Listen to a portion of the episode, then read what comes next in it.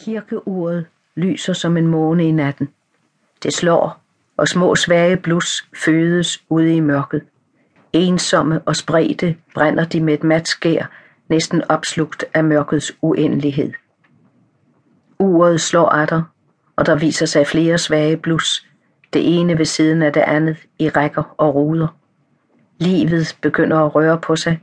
En hestebjælle ringler, man hører måske en tom slæde slingre hid og did efter hesten på en hårdt trampet vej. Et sted falder et eller andet med et plask i vandet. En ankerkætting rasler. Lyden af åre og knirkende åretolle stiger op fra mørket.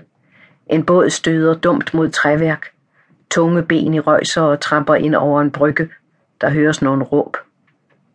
På fjorden mod vest tuder en damper. Røde og grønne lanterner kommer langsomt glidende ud af mulmet. På den nye kaj springer man rundt med trosser. På Sydfjordsdamperen, som ligger ved den gamle kaj og som går klokken 6, ringes der vedholdende til afgang. De otte buelamper i fjordgaden danner en svagt lysende række, der kun brydes af den, der altid er i stykker, ud for Louise på hjørnet. Og vinduer, hvor lyset pludselig tændes, springer frem som klare og kraftigt lysende firkanter, nye rækker og ruder.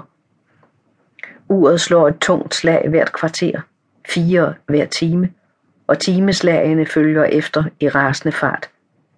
Skrædder Kvandal, som spiller trækbasun i afholdsforeningens orkester, øver sig, før han åbner butikken. Med lange mellemrum frembringer han en ensom og skælvende tone, der hører til morgenens første lyde som under gunstig vind føres helt op i den øverste del af byen. Hvis det har sneet om natten, maser ploven under stort spektakel med seks heste, råb og piskesmæld og Ola Paradis som kusk fra den ene ende af byen til den anden. Trafikken er officielt åbnet. Værsgo, folk kan bare myldre frem. Bager Theodorsen viser sig på sin trappe. Man kan ikke se det i mørket, men man ved, at han har mel i skægget og mel på bukserne. Han kigger efter vejret. Inde i butikken ordner fru Theodorsen de varme brød, som bliver langet ind gennem lemmen fra bageriet, stiller dem på skrå på hylden. Hun er i golftrøje og moffedisser.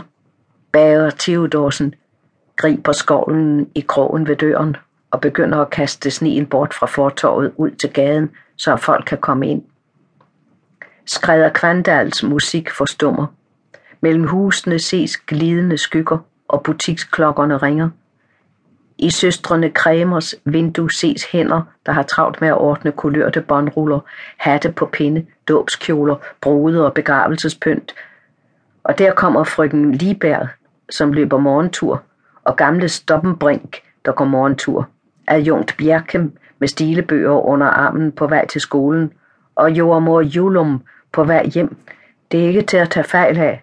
En ny dag er ved at begynde. Det kan være mørkt med nordlys og et utal af stjerner, og så koldt, at det skriger højt i sneen for hvert skridt. Det kan være fugtigt med regn og blæst fra sydvest, sorte gader og mulm. Der knirker vejrhanen på kirketårnet, og de forgyldte kringler skramler uhyggeligt uden for bagerne, Theodorsen og Øvres butikker. Det kan også være måneskin. Men for det meste er det snitykning, som afrunder, dæmper, nedstemmer alt. Form, farver og lyd. Når Alberte vågner om morgenen, er hun dejlig varm. Det er den eneste tid på døgnet, hun ikke fryser. Hun føler en dyb lun ro i lemmerne. En lægemlig fred, som er det bedste, hun ved. Hun ligger i sin fulde længde med benene udstrakt. Der er varmt overalt i sengen, og det er, som om hendes lægeme havde udfoldet sig, som om en skal uden om det var sprængt. Hun strækker sig, føler sig blød og smidig, og har råd til at omgås lidt sindig med sin egen varme. Det sker, at hun i overmod stikker en fod ud i kulden, bare for at mærke, hvordan den atter bliver varm, så snart hun trækker den tilbage. Om aftenen kryber hun sammen under tæppet i timevis rystende af indre kulde. Hun gør sig så lille hun kan, med benene trukket op under sig og armene foldet over brystet.